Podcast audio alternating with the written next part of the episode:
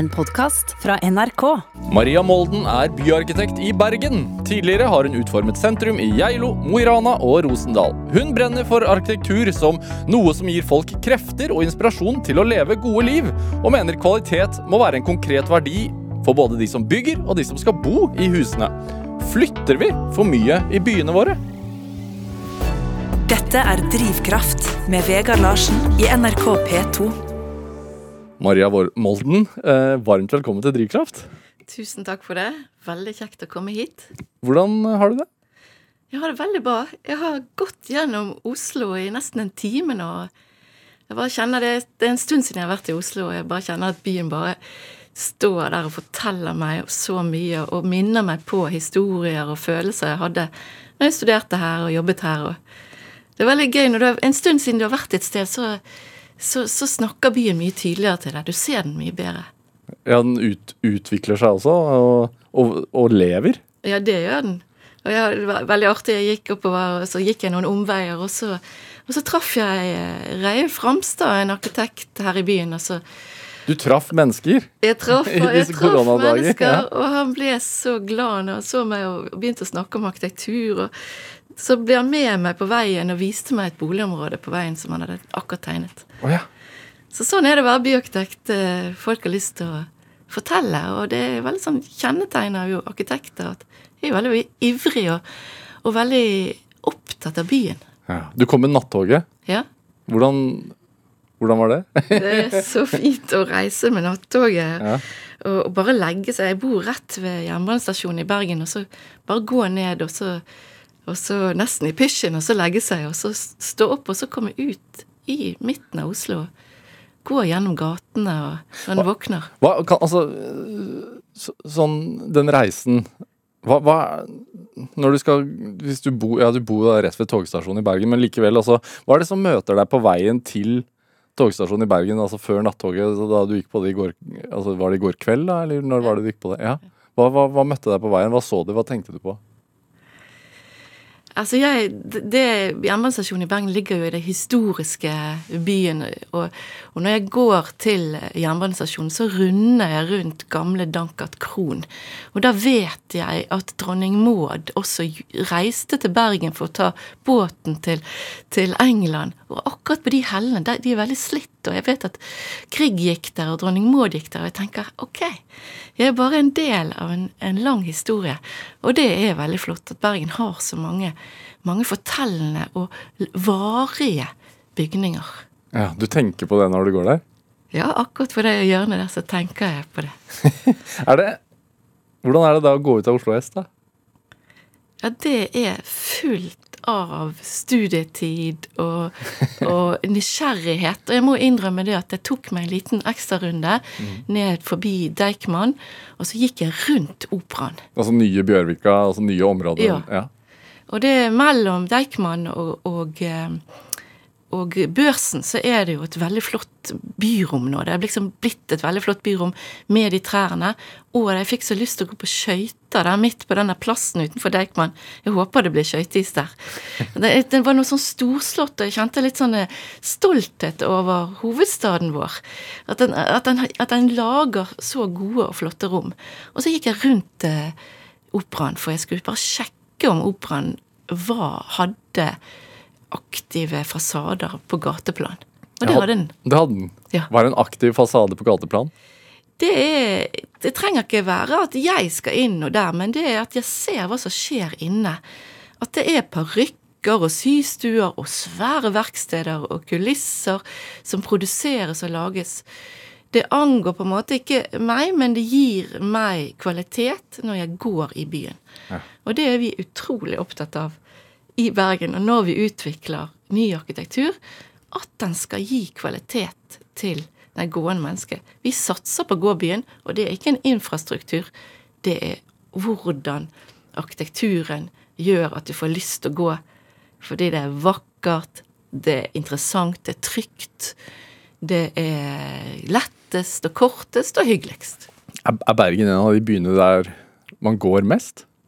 Ja, faktisk Bergen eh, scorer veldig høyt på å gå. Og det har jo mange grunner. Det er veldig mye terreng, så det og så er det litt sånn bratt. Og så er det litt mye regn. vanskelig å sykle med paraplyen. Vi er ikke så flinke til å sykle. Vi Det jobber med det. hender. Det hender. Ja, men man går. Og så er det et kompakt eh, bysentrum som, som ligger og liksom mellom fjellene, så det er ganske korte avstander. Ja, Jeg hadde polfarer Erling Kagge her i, i et annet Drivkraft, og han snakket veldig varmt om verdien ved å gå. Ja. At man opplever ting på en annen måte. Ja, jeg tenker at eh, hvis man satser på en gåby, så gjør man egentlig et sånt kinderegg, eller kanskje mer enn et kinderegg, fordi at det stimulerer Det er jo folkehelse i det. Ja. Men det er jo også Det skaper masse møter mellom folk. Så, det, så stimulerer det lokalt næringsliv. Det er ofte kriminalitetsforebyggende at folk er ute og går i gatene. Er det det? Hvorfor det? Jo, fordi at det skaper trygghet. Det er mange som går. Det er dynamisk sikkerhet. Sånn at det er mange Altså hvis det er åpenhet i, på gateplanet mellom inn og ut, og folk ser deg, så er det en form for Så gir det en form for eh, sosial kontroll. Hva, hva, er altså hva er de vesentlige kriteriene for at en by skal være god å gå i, da? Det er jo at, eh, at eh, det er plass til deg på gaten. Ja. At, eh, at gatelegemet er faktisk utformet for at det skal være lett å gå der. At det, at det er litt eh, variasjon i bebyggelsen. At det ikke er veldig lange og monotone bygninger som gjør det litt kjedelig. Vi er jo litt sånn Vi vet jo det at vi, vi trenger litt stimuli. Vi trenger variasjon. Og også at, at det er interessant. Det er interessant det som er innenfor byggene det kan se. Og at, eh, at eh, man kan møte folk, og at det er på en måte Det er så mange goder i det. I forhold til når vi sitter i, inne i bilene våre, så er vi mye lenger fra. Vi oppfatter ikke de fysiske omgivelsene og detaljene. Og jeg tenker jo også det at eh, de fasadene vi, vi er jo opptatt av de fasadene vi går langs. At de har en sånn eh, at de har en stofflighet, de har en materialitet som tar imot lyset, som gjør det interessant. At du, at du kjenner at det ikke bare er en sånn platekledning som, som bare er der fordi at den skal eh, være li- vedlikeholdsfri, men at det er en sånn stofflighet, at det er en kroppslighet i, i arkitekturen. Hva- er en kroppslighet i arkitektur? det er kanskje det vi kaller for dybde, at, at det ikke er helt flate fasader. At, det, at vinduer og, og, og døråpninger eh, eh, har et uttrykk som Kanskje du kan si det sånn at eh, at, du, at det, det gir skygge og variasjon. Ja. Skyggevirkninger. Jeg tror, jeg tror eh, at dette er utrolig viktig. For, det, for, for, for meg og for oss i vår etat, og, og hvordan vi snakker om arkitektur, det handler om mennesker. Dette glemmer man litt. Man tenker at arkitektur handler om bygg, Ja. men det gjør ikke det. Nei, det handler om eh, hvordan det virker på menneskene. Og, og det eh, vi, vi, vi snakker om at arkitektur er et verktøy for å nå en god byutvikling. Altså Det er ikke på en måte verket i seg selv og arkitekten som skal bli glad. Det er byen som skal, skal kjenne at dette bygget her, det virker, det gjør det vi ønsker at byen skal, skal bli. Og gir kvaliteter. Det er effekten av arkitekturen vi er opptatt av. Jeg, merker, altså, jeg har bodd i Oslo i, i 20 år nå, og vi skal snakke mye om Bergen by, altså, men jeg tenker sånn Jeg oppdager stadig nye ting på steder jeg har gått mange ganger fordi at jeg plutselig ser opp. Ja. Og ser opp på fasadene, f.eks. ja. Er, vi for- er vi for dårlige til å se? Nei, jeg tror eh, Vi holder jo på med masse ting, vi som mennesker, og vi skal ting, og vi skal møte andre. Og, og vi ser jo det at i den, i den historiske byen så var man veldig opptatt av de, de to første etasjene. De er ofte mye mer detaljerte. For det, eh, man bygget jo byen egentlig for det gående mennesket. Det er jo bare en parentes at vi har holdt på med den bilen som skulle frem så mange steder. Og da, og da var det eh, oppmerksomhet knyttet til hvordan de første etasjene var. Åpenhet, store glassflater, detaljer, utsmykning eller ornamentikk. Så, og så var man opptatt av hvordan eh, bygget møter himmelen. Hvordan du avslutter bygget er ofte veldig mye mer variert enn i moderne bygg.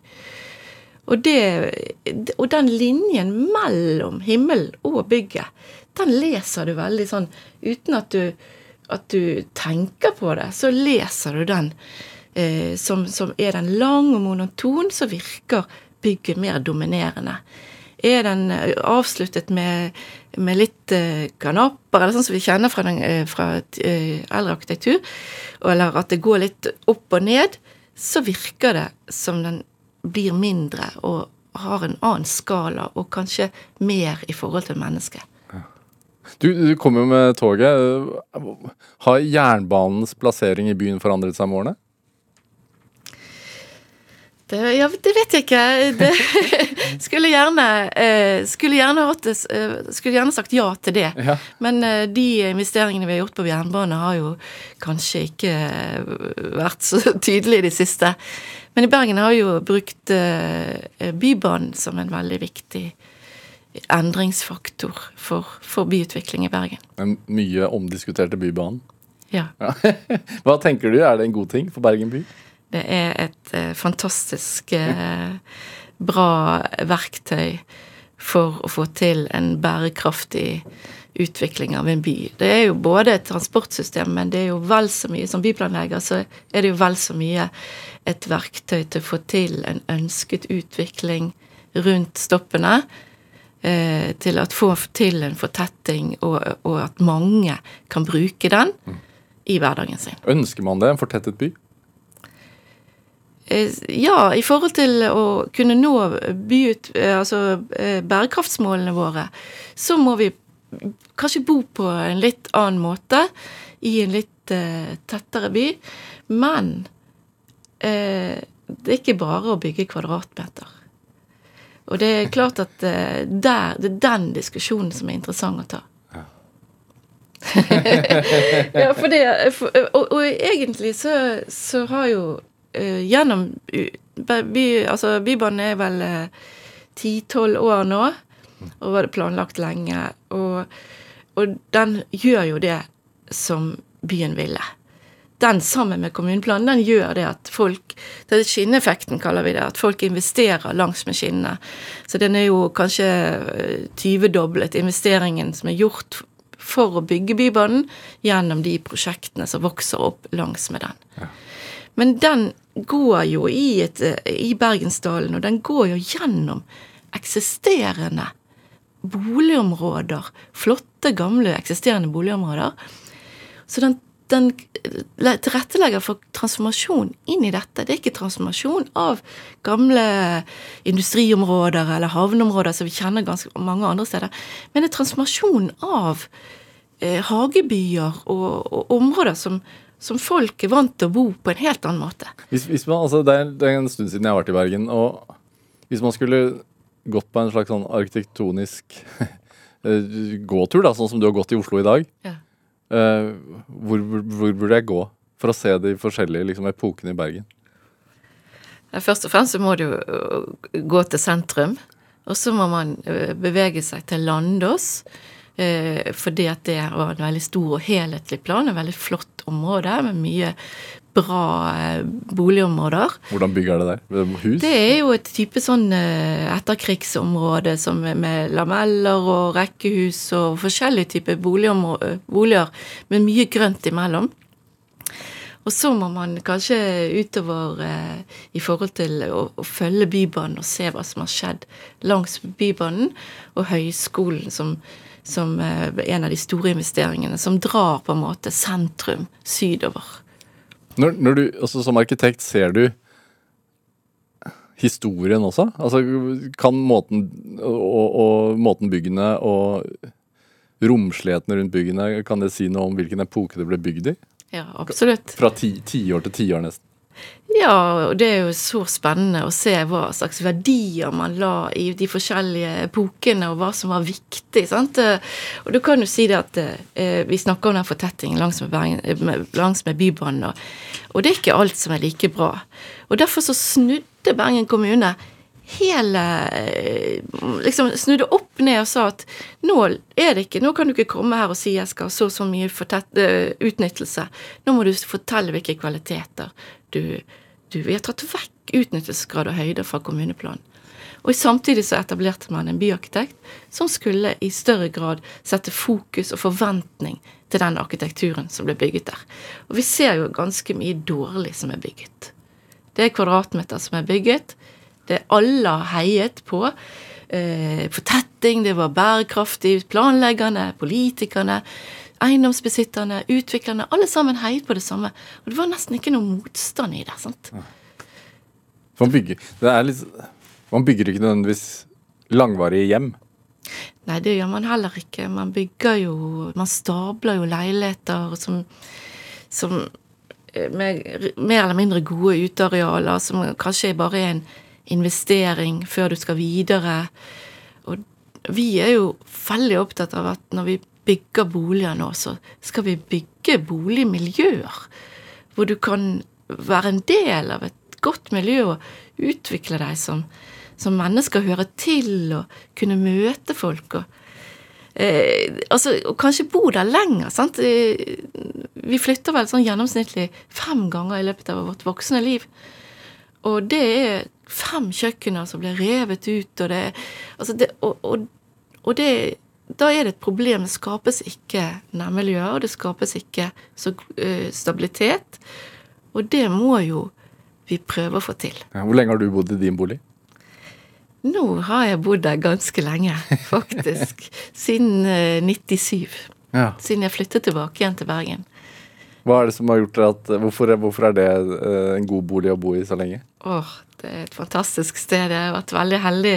Jeg kjøpte jo boligen eh, i, på 80-tallet. Det kostet jo ingenting i Bergen sentrum den gangen.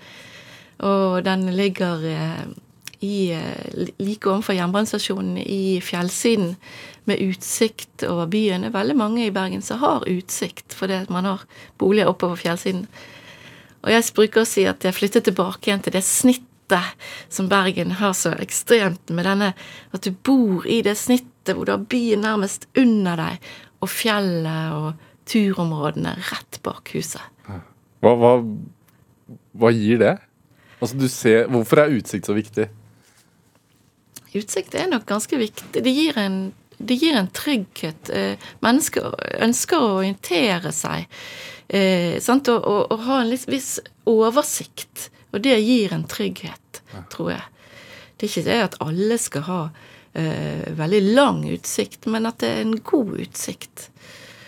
Det er ganske viktig. sant? Og, og, og, når vi får tettere og bor tettere, så er det ganske viktig hva du ser ut av vinduet, og, og at du kan på en måte låne litt rom. Selv om du har en litt liten leilighet, at du kan låne litt rom av, av det, det, som er utenfor, og at det er gode sammenhenger der. Tror du det er verdier som folk som bor i by, har tenkt litt sånn ekstra er et veldig ledende spørsmål her, da, men ekstra gjennom nå i disse koronatider? Hvor man blir tvunget mye mer inn i leilighetene sine? Ja, det tror jeg vi kommer til å tenke oss litt om nå. Når det gjelder og, og hvordan bygger vi disse boligene, og hvordan kan de i større grad eh, være et sted du skal være ganske mye mer. Vi kommer nok til, ikke til å Altså, hjemmekontor kommer til å være en del av hverdagen vår. Og, og hvordan vi bygger rom som kan brukes på forskjellig måte og ha en fleksibilitet i seg, det er jo også veldig bærekraftig. Det, det gir jo på en måte at du kan At ikke du må rive ut alt eller flytte på alt, men at de har en rommelighet i seg som er som er god å kunne bruke. Og de sier jo det at de gamle leilighetene, sånne gamle bygårdsleilighetene som har litt sånne klassiske rom på sånn 4,5 ganger 4,5 og de, der bor folk lenger. Høyere under taket og gjerne. Og høyere under taket. De bor lenger fordi at rommene kan brukes så mye mer. Og fordi at du så, Alle er jo et, har jo en sånn ønske om, om, litt endring og være et aktivt menneske i sin egen bolig. Og da, da kan man da kan man eh, kanskje bruke det rommet til stue en stund, men kanskje det blir et soverom eller et arbeidsrom. Men hvis du har de der minimumsløsningene som bygges mye av det nå, så kan det nesten bare brukes til å sove i. Dette er Drivkraft med Vegard Larsen i NRK P2. Og I dag er eh, byarkitekten i Bergen, Maria Molden, her hos meg i Drivkraft på NRK P2. Hva er en byarkitekt? En byarkitekt er kanskje litt som vi kjenner det som byantikvaren, en rådgivende etat. Og det fins jo en del eh, byarkitekter rundt omkring som har den tittelen, men det som er spesielt i Bergen, det er at eh, vi har en egen fagetat med syv stykker som jobber for at arkitektur skal bety mye og skape kvalitet i byen vi bygger videre. Hø- Høres ut som egentlig en, selvfølge å ha i enhver by, men hvorfor er det ikke det? Nei, det er vel Det er jo det at plan- og bygningsetatene har på en måte ansvar for, for eh, byggeriet innenfor plan- og bygningsloven. Og, men det, der eh, Det er jo egentlig ganske interessant at vi ikke har større fokus på hvordan arkitektur kan være et eh, verktøy for den byen vi eh, bygger. Og vi har utrolig mye å gjøre. Og vi setter jo tydelige forventninger til hva Bergen ønsker av det som bygges. Ja, bare rent spesifikt, Er det etaten din, eller du, du gjør det? Hva, hva, hva er jobben din? Vi er rådgivende både for private utbyggere og for, for kommunen som utbygger, både når det gjelder bygg og byrom. Og så har vi et mandat om å være, skape interesse og forståelse for arkitektur. Og i tillegg så skal vi eh, jobbe for at arkitektur blir brukt i kommunen for å eh, styrke de tjenestene vi faktisk er pålagt. Vi er- jobber jo i kommunen for å skape folkehelse, utdanning, skape gode læringsarenaer. Hvordan bruker vi da arkitektur som gjør at du sitter i det klasserommet og får lyst til å lære mer, eller du er, eh, jobber på det sykehjemmet og du kjenner at her har jeg lyst til å gjøre en god jobb, fordi de omgivelsene stimulerer til å gjøre gode jobber. Er, er, det, er det en slags sånn helhetstankegang? Altså at, man, at byarkitektene skal Det er ikke bare én én tomt, men hele byen som en tomt, eller? Ja, altså jeg, Vi bruker jo å definere arkitektur som alt vi bygger, og fra store planer til liksom detaljene og inngangspartiet og, og altså, så, så det er jo det er jo en veldig bredde i arkitekturfaget, og jeg, liker å si at det er de fysiske omgivelsene. For det at ofte så blir eh, noen ganger så blir folk litt sånn skeptisk av byarkitekt. Det er noe sånn litt sånn eh, eh, snobbete, eh, dy, fordyrende Hva skal vi med dette? Og jeg husker spesielt en gang vi hadde en diskusjon internt i kommunen hvor vi snakket om eh, hvordan vi kunne bruke kommuneplanen til å skape mer eh, kvalitet. Og så var det en eh, en som sa til meg, så sa jeg ja, men kanskje vi skal sette mye strengere krav til arkitektur. Vi må sette mye strengere. Og så snudde hun seg til meg og så sa hun eh, vi i kommunen vi jobber for gode oppvekstvilkår, gode boligområder, gode sånn vi kan, Det der med arkitektur, det kan du holde på med. Og så tenkte jeg men det er jo det vi snakker om! Det er jo nettopp det vi snakker om, at vi kan bruke den arkitekturen vi bygger til å skape de gode oppvekstmiljøene og de gode boligområdene. Så, så på en måte så Ofte så har jeg mer glede av å bruke et annet ord enn arkitektur. Altså jeg snakker om de fysiske løsningene og de valgene vi har tatt. Om det er Statens vegvesen eller en ingeniør. Når vi velger å bygge, så skal det søren meg stå der lenge. Og det skal stå og virke på folk hver eneste dag. Ja. Og da angår det ganske mange. Altså, du liker ikke ordet arkitektur? Jeg liker ordet arkitektur, og det er jo helt fantastisk når vi hører eh, dataingeniørene bruke det, for det de sier bruker det sånn dataarkitektur, fordi det er så komplekst. og det er det jo. Ja. Sant? Så, men, men det er en del ganger vi må på en måte bruke flere ord og snakke om de fysiske, faktiske løsningene, for at folk ikke skal tenke at det der er noe sånn litt sånn snobbete ekstragreier, fordyrende fasadegreier. Men påvirker det oss i større grad enn man tror? Helt klart.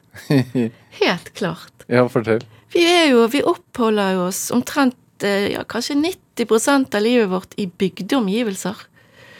Og arkitektur det har jo evne til å skape både trygghet og inspirasjon, og, og det kan gjøre at vi får til å møtes, at vi får at vi utvikler oss som mennesker. At vi, at vi kjenner at det, her er det områder som gjør at jeg kan, jeg kan ta del i det samfunnet som er rundt meg. og og, og, og, de står der, og de skal stå der lenge, sant?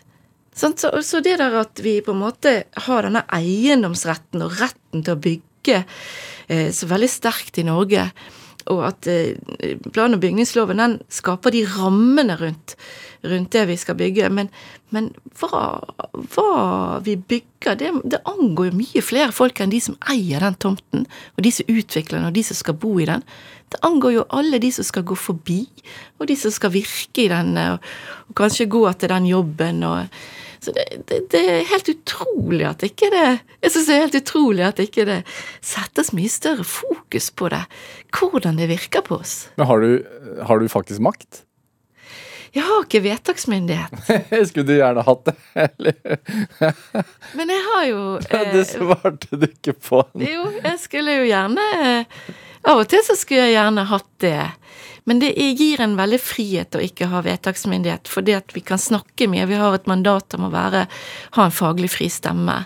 Og kanskje det handler mer om å inspirere og skape forståelse enn å være streng og, og liksom nei og Altså at, at vi prøver på en måte å, å, å, komme tidlig inn i prosjektene og si ja, hvordan kan ditt prosjekt være med nå?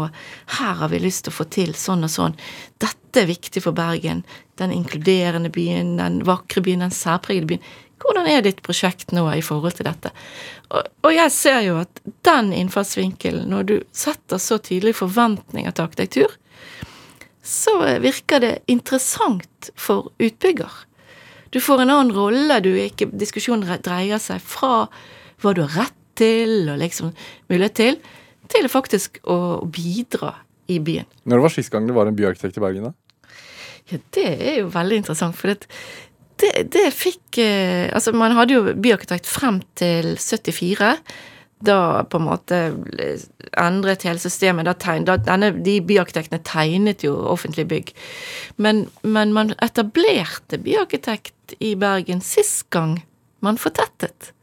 Altså på slutten av 1800-tallet, under industrialismen, når det på en måte vokste opp eh, masse nye boliger, masse folk som flyttet til byene. Sant? Da måtte man eh, ivareta eh, byen og byplanene og skape nok steder og skape folkehelse og, og, og, ta vare på at bebyggelsen ikke skapte slum og, og ga kvaliteter til de som flyttet til byen. Det, føler du på ansvaret? Veldig. Hvordan da?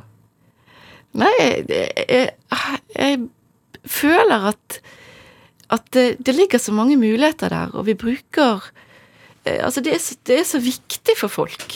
Og jeg syns det er så, er så, viktig at vi ikke bare bygger eh, bygg som, eh, som ikke, ikke, Altså, det koster så mye, de byggene. sant? Vi må i hvert fall få noe ut av de, det er jo mange ting ganger jeg tenker åh, oh, det er en oppvisning i tapte muligheter.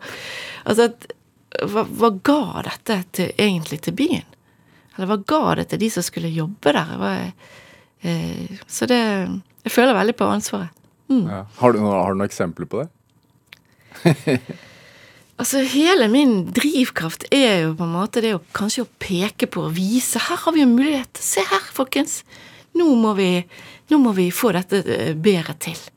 Sant? Og det, og, og det Om jeg har eksempler Jeg prøver jo på en måte å, å koble bare det å bygge opp en etat og bygge og, og, være aktuell, det gjør jo at vi må koble oss på det som skjer. Mm.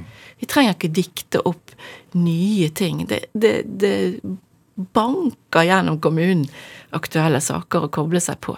Og en av de sakene som vi koblet oss veldig tidlig på, det var det at eh, Bergen kommune skulle bygge det nye inkluderingssenteret i, eh, på, i det gamle lærerskolen på Landås alle som kommer til Bergen, av innvandrere, av folk som skal lære norsk, de skal komme dit.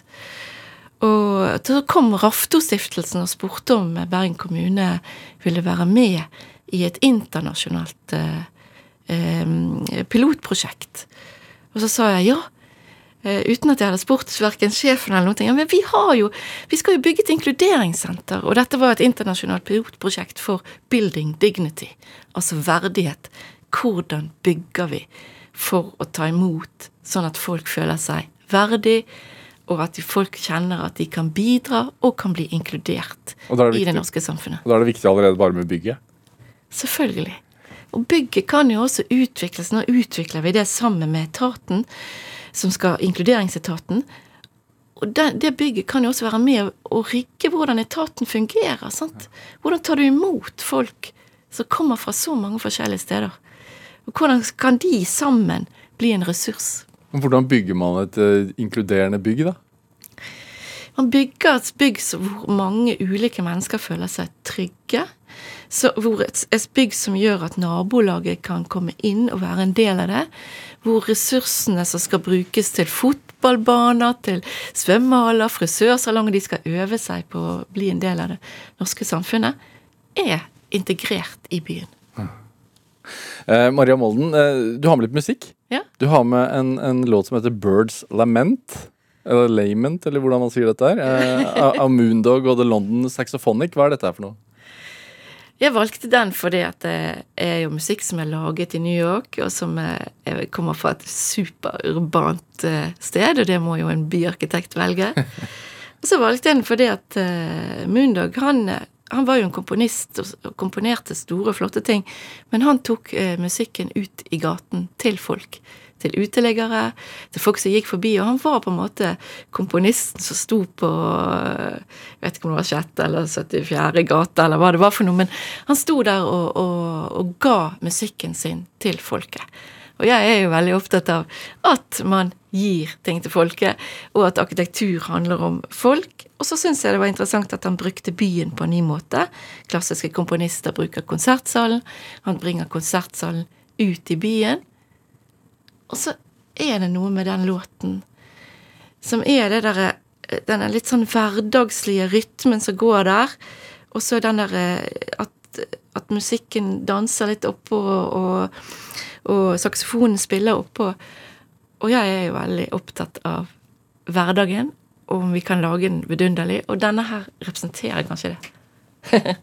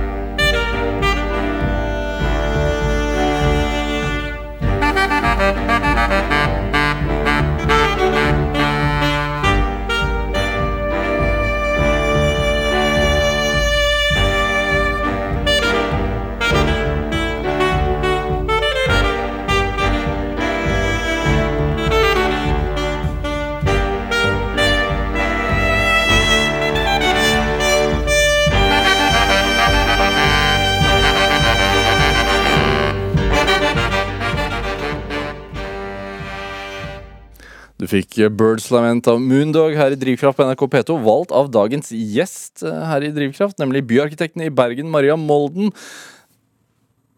Molden-slekta. Hva er det 17 arkitekter? Er det, stemmer det? Ja, det var vel 17 13 sist gang jeg talte. Det var for noen dager siden. Jeg vet ikke. ja, det, det er jo litt uh, utrolig, men uh, hvorfor, sånn er det. Hvorfor har det blitt sånn? Jeg vet ikke helt. Uh, jeg, tror kanskje at altså, Det er jo ikke en sånn slekt som er sånn litt sånn klan som holder alle utenfor, men den, kjennetegnes vel egentlig av en haug med folk som er veldig engasjert i faget sitt. Ja. Hvem var den første, da? Vet du det? Den første Nei, altså, det går ikke så langt tilbake igjen. Det er jo eh, min foreldregenerasjon og, og min eh, Det er jo min tante og onkel i Stavanger og min eh, mor og far og min tante og onkel i Bergen som er på en måte blant de første, da. Ja. I den. Men det kan være at min mormor hun var jo egentlig arkitekt i funksjon, men hun var ikke utdannet for det at det, den gangen så var man ikke det. Hvordan var hun det i funksjon? Fordi at hun, hun, var utrolig opptatt av arkitektur. og hun, hun, tegnet sin egen bolig, og hun tegnet sitt eget landsted, og hun var ekstremt opptatt av de fysiske omgivelsene og, og Maihaugen, og reiste rundt, og var veldig uh, et skapende menneske. Mm. Men Du har vokst opp i et familietegnet hus også? Ja, det har jeg. Jeg vokste opp i Min mor og far tegnet hus, og de begynte å grave den dagen jeg begynte på skolen, så jeg flyttet ikke så veldig mange ganger i løpet av livet mitt. Mm. Hvordan, hvordan, ser det huset ut? Ja, det er jo et hus fra, fra 70-tallet som, som, ligger og slanger seg rundt en plen, og som kanskje ikke er sånn typisk sånn eh, objekt som, som liksom åh, flott proporsjon og sånn, men et, et eh, hus som i til de grader kobler seg på eh, uteområdet. Det, er, det, flyter helt sammen. Er store vinduer og, og får inn skogen og, og marken utenfor og, og, tar terrenget på en fin måte. Og så er det fullt av sånne uh, fine rom som uh, de har oppkalt etter gater i Bergen. Altså rommene hadde egne navn? Ja, gangene har gatenavn. Så det er Vaskerelven og sko, Skostredet. Hvor bodde du? Nei, jeg bodde i Krybbesmauet, så ja. det var der soverommene lå. Så, så Vestre Torvgate, det er et skap som, har, som, alle vet hvor det er. Det er der må matskapet vårt. så... Mm. er det, på, altså det med navn er én ting, men hvordan merket du i oppveksten at, at det var en arkitektslekt? Altså at moren og faren din var arkitekter? og ja, det er klart at de var jo arkitekter. De var jo veldig opptatt av, eh, av, eh, av å gjøre en god jobb og bygge mye. De, de bygget De var jo drevet arkitektkontor i, eh, i 50 år sammen. Molden Arkitekter. Eller de, Anna Jostein Molden het de vel egentlig. Og, og de var jo en gyllen tid i, norsk historie hvor arkitektur ble brukt til å bygge skoler og sykehjem og store sykehus, og, og man virkelig eh, brukte arkitekturfaget. Så de hadde jo masse å gjøre.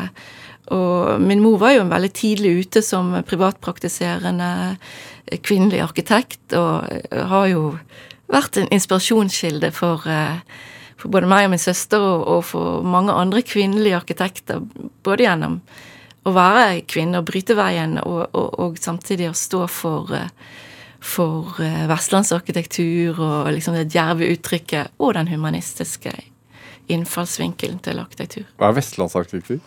Det er en sånn eh, litt sånn bærekraftig knapphet. En sånn litt sånn det står, Byggene står i landskapet eh, med, og, og, er utviklet inne, innenfor ganske sånne knappe ressurser og, og, har en veldig sånn djervhet i seg. Eh, som kanskje vi skal ta opp igjen nå når eh, bærekraften er, er, så viktig å ivareta. Mm. Hun tegna bl.a. Bergen landsfengsel? Ja. Ja, men øh, De tegnet jo øh, både øh, Bergen landsfengsel og Skien. Og da var det ikke tegnet så mange fengsler på, på mange år i Norge. Og, og, det var jo Inger Louise Valle sin nye kriminalpolitikk som på en måte bar var det at, at, eh, straffen skulle ikke være mer enn uh, frihetsberøvelsen. Og så skulle man bygge opp folk inne i fengselet. Så det var viktig også at fengselet var et godt rom? Ja, fengselet var til de grader et verktøy for å, å utvikle de menneskene som skulle være der, og de må jo være der ja. hele tiden. Og jeg husker eh, spesielt når de hadde vært på studietur og kom hjem og, og hadde truffet folk fra Sverige og Danmark som drev i, i fengselsvesenet, så sa min mor har truffet så utrolig mange flotte folk. Og så sa jeg hva, hva mener du? Ja, både de som jobber der, og, og, og fangene Det er jo så masse flotte folk. Og hun hadde en ekstremt eh, sterk fokus på, og hun har det fremdeles, på hvordan du opplever når du ligger i sengen som sykehjemspasient, eller når du er i rommet, hvordan du opplever eh, omgivelsene. Ja. Og så hadde jeg en far som gikk rundt og klappet til og ordnet og, og, skapte alt. Altså, Jeg tror ikke vi har en lampe eller et kunstverk i huset til mine foreldre som ikke han har fikset litt på. så, så litt sånn kreativt forhold til omgivelsene. Mm. Ja. Nå, altså, men hvem var du som barn, da? Jeg var jo en frekk liten Jeg var jo minstemann, og, og, og, jeg skulle i hvert fall ikke bli arkitekt. Nei, hvorfor det? Og jeg skulle ikke bli voksen heller. sant? Jeg skulle ikke bli arkitekt, nei. Det synes jeg ikke Jeg syns liksom ikke det så så gøy ut. Og dessuten var det så veldig mange som var der i slekten. sant? Så det skulle i hvert fall Så jeg prøvde å gjøre et lite opprør og studere eh, biologi, og jeg prøvde å komme inn på å jobbe med landskapsarkitektur, men eh, det endte jo med at jeg gikk en vanlig arkitektutdannelse og, og ble arkitekt. Og, og, jeg husker en gang jeg kom hjem til Jeg skulle liksom et mikroopprør, da, altså, i denne slekten her. Så sa, til, så sa jeg til min far at nei, vet du hva, det er greit å studere arkitektur, men jeg har i hvert fall ikke tenkt å bruke hele livet mitt på Og liksom all tiden min på dette her og sånn. Og så så han på meg, så sa han Vet du hva, da kan du i grunnen finne på noe annet. og det tror, jeg, det, det tror, jeg, faktisk Han sa ikke det fordi han ville at jeg skal ofre meg på, på, på, arkitektur, men han sa det fordi han så at det er krevende å være arkitekt, og hvis du skal være arkitekt, så er det så utrolig mye gøyere hvis du gir jernet. Ja. Må, altså må man Det er et kall, nesten, for deg? Nei, det er ikke et kall, men det er veldig gøy, og jeg er utrolig glad for at jeg gikk den runden via biologi, men også at jeg uh, får lov til å, å, ha det faget. Det et veldig Det har gitt meg et veldig sånn kreativt forhold til, til livet. Oi. Ja. ja. Altså at det på en måte Alt er litt aktuelt, og alt er relevant, og hvordan jeg skal eh, rigge min hverdag eller mitt, uh, mitt privatliv. Og så har arkitekturfaget gitt meg veldig glede. Ja, hvordan du skal rigge privatlivet? Ja, det, det er jo du, du, øver. Altså, arkitekturfaget øver på å finne gode løsninger. Sant? Hele tiden. Og også eh, hvordan vi rigger hjemmet vårt, og hvordan vi skal leve. Det, det er gøy å ha et sånt kreativt fag i bunn. Mm. Men tok, tok de de altså, så, Du sa at da du kom til Oslo i dag så gikk av jernbanen, så gikk du en sånn rundtur og gikk en time i byen og så deg omkring. Var, var det en del av barndommen? Ja. ja. Det var jo en del av barndommen. Klart det. Ja. Det var en del av Og vi, vi så jo mye på vi, men, det, men, det, var ikke sånn at de presset det på oss, og det var ingen som presset oss til å bli det, men det var nok en verdigrunnlag som ble lagt der, som gjorde at uh, vi hadde lyst til å, lyst til å bli det, og, og, så at vi kunne gjøre en forskjell. Ja, Det handler om det? Ja, for meg handler det om det. For det at når jeg studerte biologi, så syns jeg også det var veldig interessant. og Det var veldig flott fag, og det gir en forståelse av kroppen og omgivelsene og alt. Men når det begynte å krype inn i mikroskopene og på en måte bli sånn at jeg ikke kunne diskutere det med, med folk, og at, at det ble for, for, spesielt, så mistet jeg litt interessen.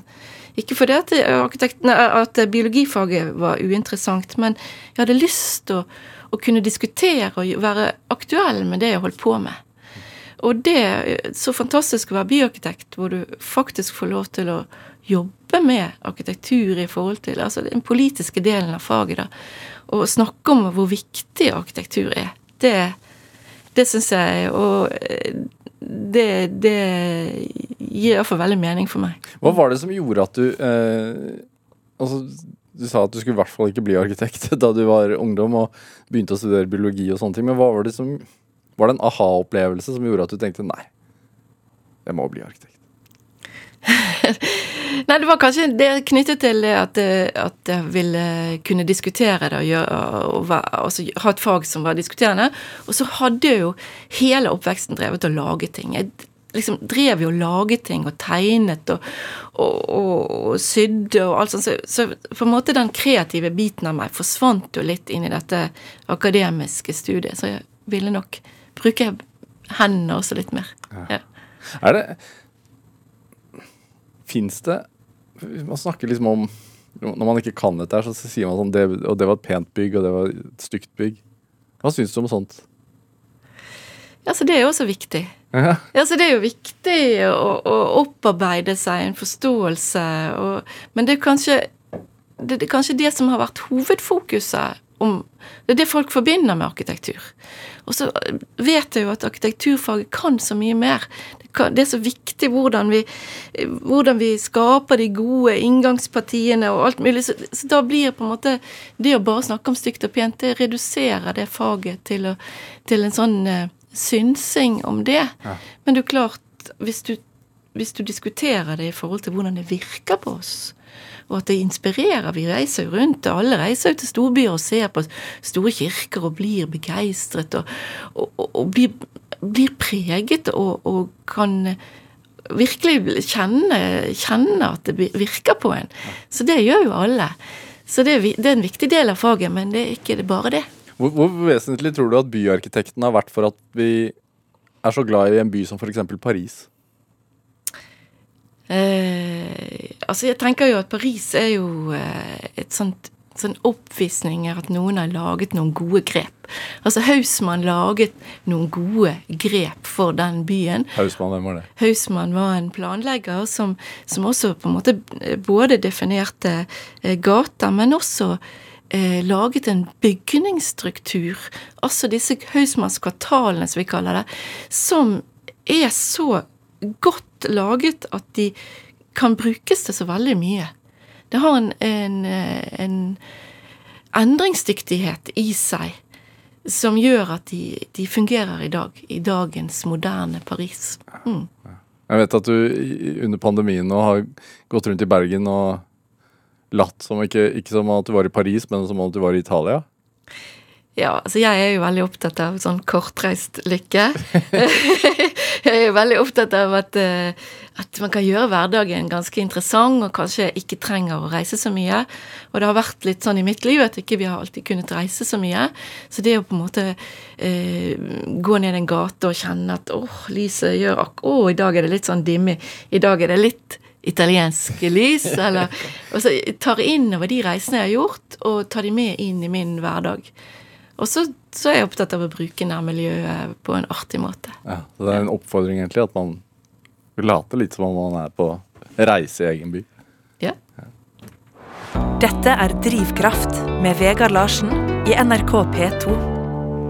Og i dag er byarkitekten i Bergen, Maria Molden, her hos meg i NRK Drivkraft på NRK P2. Uh, altså, Du er byarkitekt i Bergen nå, men du har jo uh, forandret uh, noen andre sentrum også?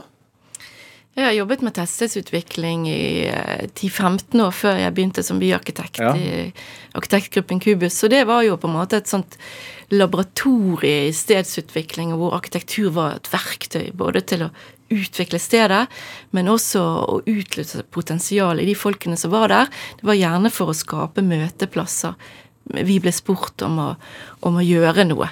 Og det er jo eh, interessant å ha den bakgrunnen som byarkitekt, fordi at jeg tar med meg den eh, forståelsen av hvordan vi kan bruke det faget til å skape identitet og stolthet i folk, og, og, og utvikle næringsutvikling. Og det var på en måte næringsavdelinger ofte i kommunene som kom og sa vi trenger nå å gjøre noen grep her. Hvorfor så de det behovet, tror du? Det var gjerne truet, det var, var lagt ned noen arbeidsplasser, det var fraflytting, og, og trengte å skape stolthet. og jeg har jo lenge jobbet sammen med Aksel Nitta Sømme, som er liksom kongen av å, å, utvikle, ta tak i Gå ned på verftet på Ulsteinvik og si 'hva kan dere?' Og så laget han lamper og stoler og benker og akodren og alt mulig til de nye byrommene.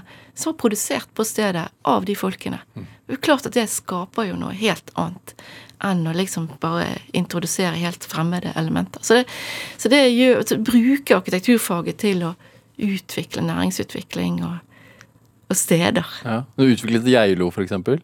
Ja, og det var jo veldig gøy. Vi vant en konkurranse i Geilo, og der skulle alle bilene vekk, og, og, det skulle bli et nytt sentrum, og vi ønsket å skape en Ta nærmest Geilo og skibakkene ned i i sentrum og lage en, et amfi, ganske bratt amfi som, som, eh, som, hvor man kunne ha catwalks og vise ting og ha leker og Hva slags utfordringer var det de sto overfor der, da?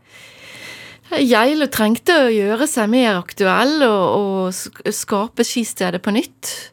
Og, og, det som var interessant, var jo at sant, alltid det med å ta vekk biler, det er jo alltid det sant, Jeg tar jo ofte tiden på hvor lang tid det tar før vi begynner å snakke om parkering. Og det var jo mange som var imot, men det viste seg jo i etterkant at det ble økt omsetning i de fleste butikkene etterpå fordi at eh, det skapte ny attraktivitet. Ja. Og det var jo så gøy, for vi snakker jo liksom i, i, teori om at vi skal skape eierskap, og folk skal kjenne stolthet over det som vi bygger, og det er ikke bare vi som skal være stolte. Og på den åpningen med 4000 mennesker, og så hadde anleggsgartnerne tatt nesten hele showet. Sant? De hadde etablert nytt firma, kjøpt T-skjorter til alle sammen, og der står vi og tenkte hm, Kjente litt på vår egen uh, var, det, var, det, vi, eller var det de? Også? Men selvfølgelig, det var jo veldig gøy at de tok eierskap. Mm. Hva rent faktisk ble gjort da? Altså du fjernet bilene, og så Fjernet bilene, og så la Dette er jo en, i en uh, nasjonalpark, så vi la inn nye dekker, uh, laget et stort amfi, jobbet med dyrespor, skispor i bakken, lyssetning. Det er et sted hvor du kan ha mye arrangementer. Ja. Og i Mo i Rana eh, så har dere vært? Lagd en ny sjøfront der? Ja, ja Mo i Rana var jo delt, sant. Sjøen ligger der, og, og vann er alltid attraktivt. Så da, eh, da, jobbet vi med en promenade som var bygget av eh, betong og stål, fordi det var stålverk og betongindustri der. Mm. Så vi utviklet produkter og benker og, og gangveier med bøkenes dikt i Og så ble det en attraksjon for Mo i Rana. Mm. Du sier det, altså Fjerne bilene.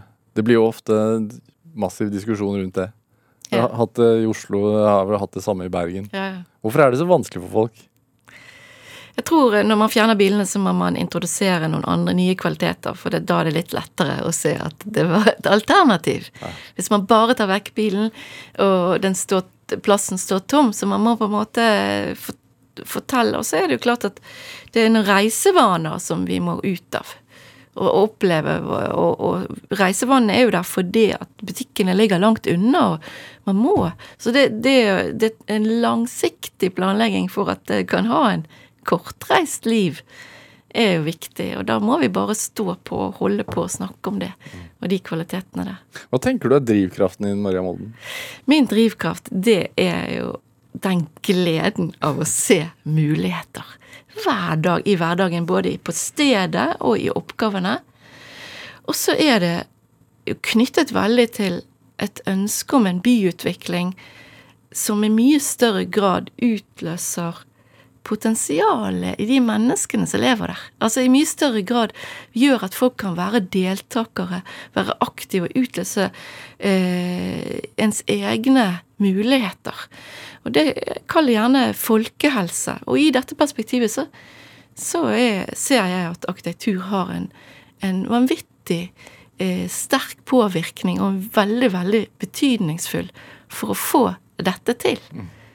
Så arkitektur, god arkitektur, det er ikke tilfeldig hva man bygger. Det er det som er, som er min drivkraft. Vi må være nøye og, og opptatt av hvordan vi bygger for mennesker. Og da får vi til både bærekraft og godby og spennende og artige steder. Men det tar jo, det tar jo noen år å få opp et bygg. Ja. Det er jo en, hvor, langsiktig, altså hvor langsiktig tenker du? Jeg prøver jo å koble meg på idet bestillingen nærmest går inn. sant? Når, når uh, skoleetaten skal bygge et bygg, så snakker vi med de, sant. Ja, hva mener vi nå? Det skal være hjertet i nærmiljøet. Hva, hva mener vi? Da må vi ha, eh, bygge et bygg og være tydelige i den bestillingen. Så vi må begynne liksom helt der. Hva vil vi? Og vi, vi jo, bestiller jo eh, arkitektur på byens vegne. Det er jo liksom vår oppgave som byarkitekt. At vi går inn i de programmene og sier hvis vi skal ha en konkurranse her, så er dette viktig for Bergen. Det er viktig at det blir en inkluderende arkitektur. Det er viktig at den blir bærekraftig, og det er viktig at den blir særpreget. Og når vi har lagt det inn i bestillingene, så er det mye lettere å få det til i, i, i prosessen. sant? Da, er, da har man vært tydelig på hva man forventer av den arkitekturen som bygges. Men kan det ta altså, Man hører jo ofte om at uh, det er veldig mye byråkrati rundt det å bygge bygg. Altså det tar veldig mange år. Ja, Skaper byarkitekten mer byråkrati? Altså Gjør det det at det bare tar enda lengre tid før ting blir ferdigstilt, eller hva tenker du om det? Jeg tenker, Vår intensjon er iallfall ikke å være det, altså at vi ikke legger en ny strategi oppå alle de 93 andre, men at vi i mye større grad Ja, for det er 93 andre. At vi i mye større grad, og det er en diskusjon rundt det, men at vi i mye større grad eh, synliggjør hva vi forventer. Og, og gå går inn tidlig og sier det er dette vi forventer. Og, og, og at det heller gjør tydelig hva Bergen kommune mener med høy arkitektonisk kvalitet, som det står i alle reguleringsplaner.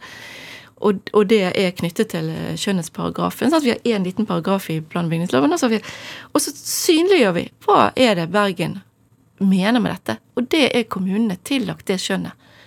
Og da, når vi er tydelige på det, så kan folk utvikle sine prosjekter, kanskje med større forutsigbarhet. Når du, når du en dag eh, må gi deg som byarkitekt, hva håper du at du har fått til da? At det kanskje er kommet flere byarkitekter. Og kanskje vi får en riksarkitekt og til og med. Jeg syns det er så utrolig rart at vi ikke Sverige har fått riksarkitekt, og, og da, de har 170 byarkitekter, og i Danmark har de masse byarkitekter. At ikke vi setter de fysiske omgivelsene mye høyere på politisk agenda når de har så stor betydning for folkehelse, for de, de miljøene, og for bærekraftig byutvikling. Maria Molden, tusen takk for at du kom hit til Drivkraft. Takk for det. Takk for det. Hør eh, flere samtaler i Drivkraft på NRK på nett, eller last oss ned som podkast. Send oss også gjerne ris og ros og tips til mennesker du mener har drivkraft. Send den e-posten til drivkraft.krøllalfa.nrk.no. Eh, Følg oss også gjerne på Instagram på NRK-Larsen. Produsent og researcher i dag var Pål Arvid Jørgensen. Jeg heter Vegard Larsen. Eh, I morgen kommer Harald Eia hit til Drivkraft. Vi høres. Du har hørt en podkast fra NRK. Hør flere podkaster og din NRK-kanal i appen NRK Radio.